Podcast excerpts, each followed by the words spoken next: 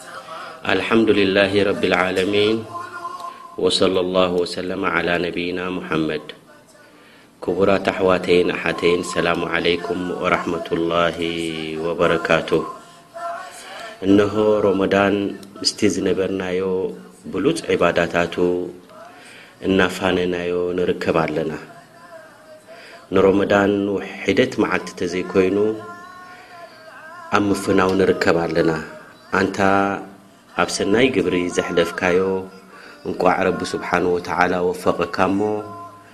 እንሀ ድማ ሕጂ ምስጋና ናይ ረቢ ኣብዚሒኻ ኣንታ ዘጉደልካ ድማ ራሕማ ናይ ረቢን ቶባ ናይ ረብን ድማ ኩላ ግዜ ማዕጹኡ ክፉት ስለ ዝኾነ ኣብ ዝተረፈካ ዕድሜኻን ኣብዘን ተሪፈን ዘለዋ ውሑዳት መዓልታት ናይ ሮምዳን ተቃለስ ንረብኻ ኣርዲ እምበኣር ክቡራት ኣሕዋት ሮሞዳን ክውዳእ እንከሎ ኣብ መጨረሽኡ ዓቢ ዝኾነ ሰናይ ግብሪ ክንፍጽሞ ዝግብኣና ፈርዲ ዝኾነ ስራሕ ኣሎ ንሱ ድማ ነቢይና ሙሓመድ ዓለይሂ ሰላቱ ወሰላም ፈርዲ ዝገበርዎ ሰደቀትል ፍጥር እዩ። ሰደቀትል ፍጥር ነቢይና ሙሓመድ ዓለይሂ ሰላቱ ወሰላም ዝሸረዕዎ ስለ ዝኾነ መንገዲ ናይ ነቢይና ሙሓመድ ዓለይሂ ሰላቱ ወሰላም ምኽታል ድማ መንገዲ ናይ ረቢ ስብሓነሁ ወተዓላ ምኽታል እዩ። መን ዩጢዕ ረሱለ ፈቀድ ኣጠዕ ኣላህ ከምኡ ውን ኣላሁ ስብሓን ወተዓላ እንታይ ኢሉና ወማ ኣታኩም ረሱሉ ፈኩዙህ ወማ ነሃኩም ዓንሁ ፈንተሁ እምበኣር እዚ ሰደቀትል ፍጥር ንዓብ ንንእሽተይን ወዲ ተባዕታይ ንጓል ኣንስተይቲ ኣብ ባርነት ዝርከብን ኣብ ነፃነት ዘሎን ንኩሉ ዝግባእ ፈርዲ እዩ ማለት እዩ عمر ريالله عنه ل فر رسول الله صلى الهعلي وسلم زكاة الفطر من رمضان ساعا من تمر او ساعا من شعير على العبد والحر والذكر والأنثى والصغير والكبير من المسلمين نل سلم ب ወዲ ተባዕታይ ይኹን ጓል ኣንስተይቲ እዚ ሰደቀትል ፍጥር ንኸነውፅእ ነቢና ሙሓመድ ዓለይሂ ሰላቱ ወሰላም ኣዚዞምና ይብል። ኣብ ጥንሲ ዝርከብ እንተደኣ ኮይኑ እዚ ግዴታ ኣይኮነን ኢላ እቲ ሰብ እንተደኣ ከውፅእ እንተደኣ ደልዩ ይፍቶ ደኣ እምበር ከም ዋጅብ ኣይኮነን ማለት እዩ። ምኽንያቱ ሰይድና ዑስማን ረዲየላሁ ዓንሁ ወኣርዳህ ሓታ ንቆልዑት ከይተረፉ ማለት ገና ኣብ ጥንሲ ዘለዉ እውን ዝነበሩ ይቕበሉ ከም ዝነበሩ ይንገር ማለት እዩ ጠብዓን እቲ ሕክማ ናቱ እቲ ጥበብ ናቱ ወይ ድማ እቲ ንክሽራዕ ነዚ ጉዳይ እዚ ዝኾነሉ ምክንያት ካብቲ ዝዝክርዎ ዑለማ እንታይ ማለት እዩ? መጀመርያ ግልፂ ዝኾነ ፋኢዳ ናቱ እንታይ እዩ እንተ ተባሂሉ እቶም ስኡናት ዘለዉ ኣሕዋትናን ኣሓትናን ንሳቶም ልክዕ ከምቲ ኣሕዋቶም ኣስላም ተሓጒሶምሉ ዝውዕሉ ከምኡ ተሓጒሶም ንኽውዕሉ ሰደቀትል ፍጥር ክንዕድሎም እንከለና ምሳና ሓቢሮም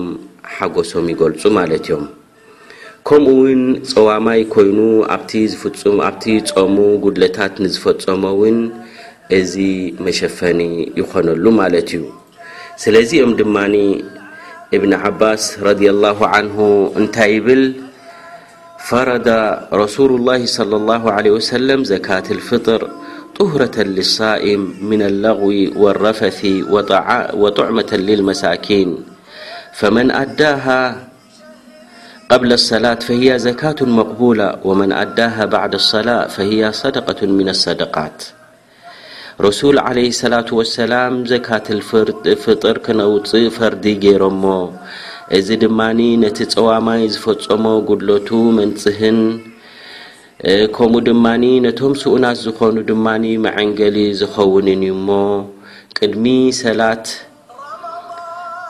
እንተ ደኣ ኣውጺኻዮ እዚ እቲ ሰደቀትል ፍጥር ድሕሪ ሰላት እንተ ደኣ ኮይኑ ግን ካብቲ ኣብ ኩላ ግዜ ዝወጽእ ሰደቃ ደኣ እምበር ከም ሰደቀትል ፍጥር ኣይኮነን ይብሉ እዚ ሓዲስ እዚ ድማ ረዋሁ ኣቡ ዳውድ ወብኒ ማጃ እምበኣር እቲ ዝወጽእ ሰደቃ ሰደቀትል ፍጥር ማለት እዩ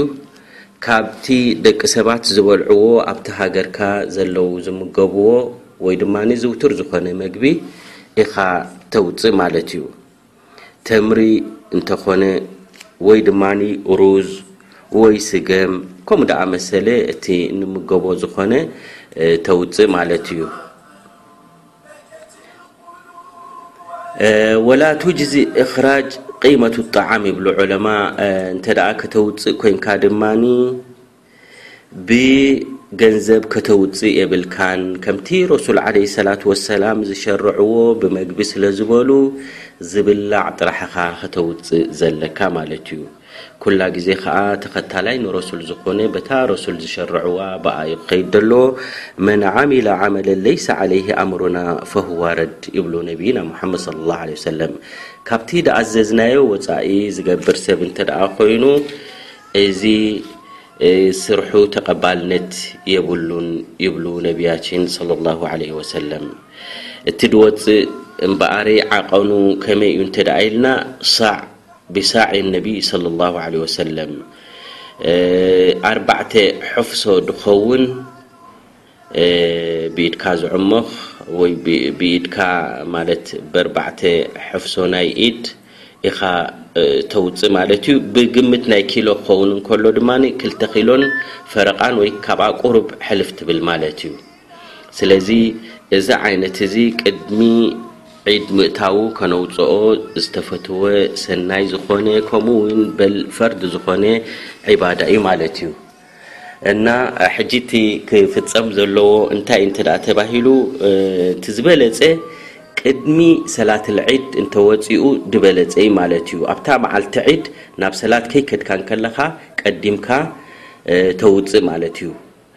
እዚ በዚ ከኣ እዮም ዑለማእ እንታይ ይብሉ እዛ ሰላት ዒድ ናይ ሰላት ናይ ኣልፍጥር ድንጒ እንተ ኢላ እታ ሰላት ዝበለጸ እዩ ምክንያቱ እቶም ሰደቀት ኣልፍጥር ደየውፁ ሰባት ምእንትን ከውፅኡ ይብሉ ማለት እዮም ግን ምናልባሽ እቲ መዓልቲ እቲ ንኸይሓልፈካ እንተ ትፈርሕ ኮንካ እውን ቅድሚ ዒድ ቅድሚ ሓደ መዓልቲ ክልተ መዓልቲ ውን እንተውጻካዮ ነዚ ውን ዝያዳ ማለት ነቲ ሰደቀት ልፍጥር ተውጽኦ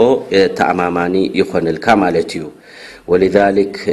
ካብቶም ቀዳሞት ዝነበሩ ውን ቀዲሞም ቅድሚ ሓደ መዓልቲ ቅድሚ ክልተ መዓልቲ ውን የውጽኡ ኔሮም እሞ ኩቡራት ኣሕዋተይን ኣሓተይን ሰደቀትል ፍጥር ብዙሕ ሰብ ስለ ድዝንግዕ ስለ ዝኾነ ነዚ ንመዘኻኸሪ ዝተባህለ ዘዳለኹዎ እዩሞ ረቢ ስያምናን ስያምኩምን ቕያምናን ቕያምኩምን ኩሉ ኣዕማል ናይ ኸይር ዝገበርናዮ ረቢ ይቀበለልና ነቲ ዝፈጸምናዮ ጉድለታትን ዘንብታትን እውን ረቢ ይቐፍረልና እናበልኩ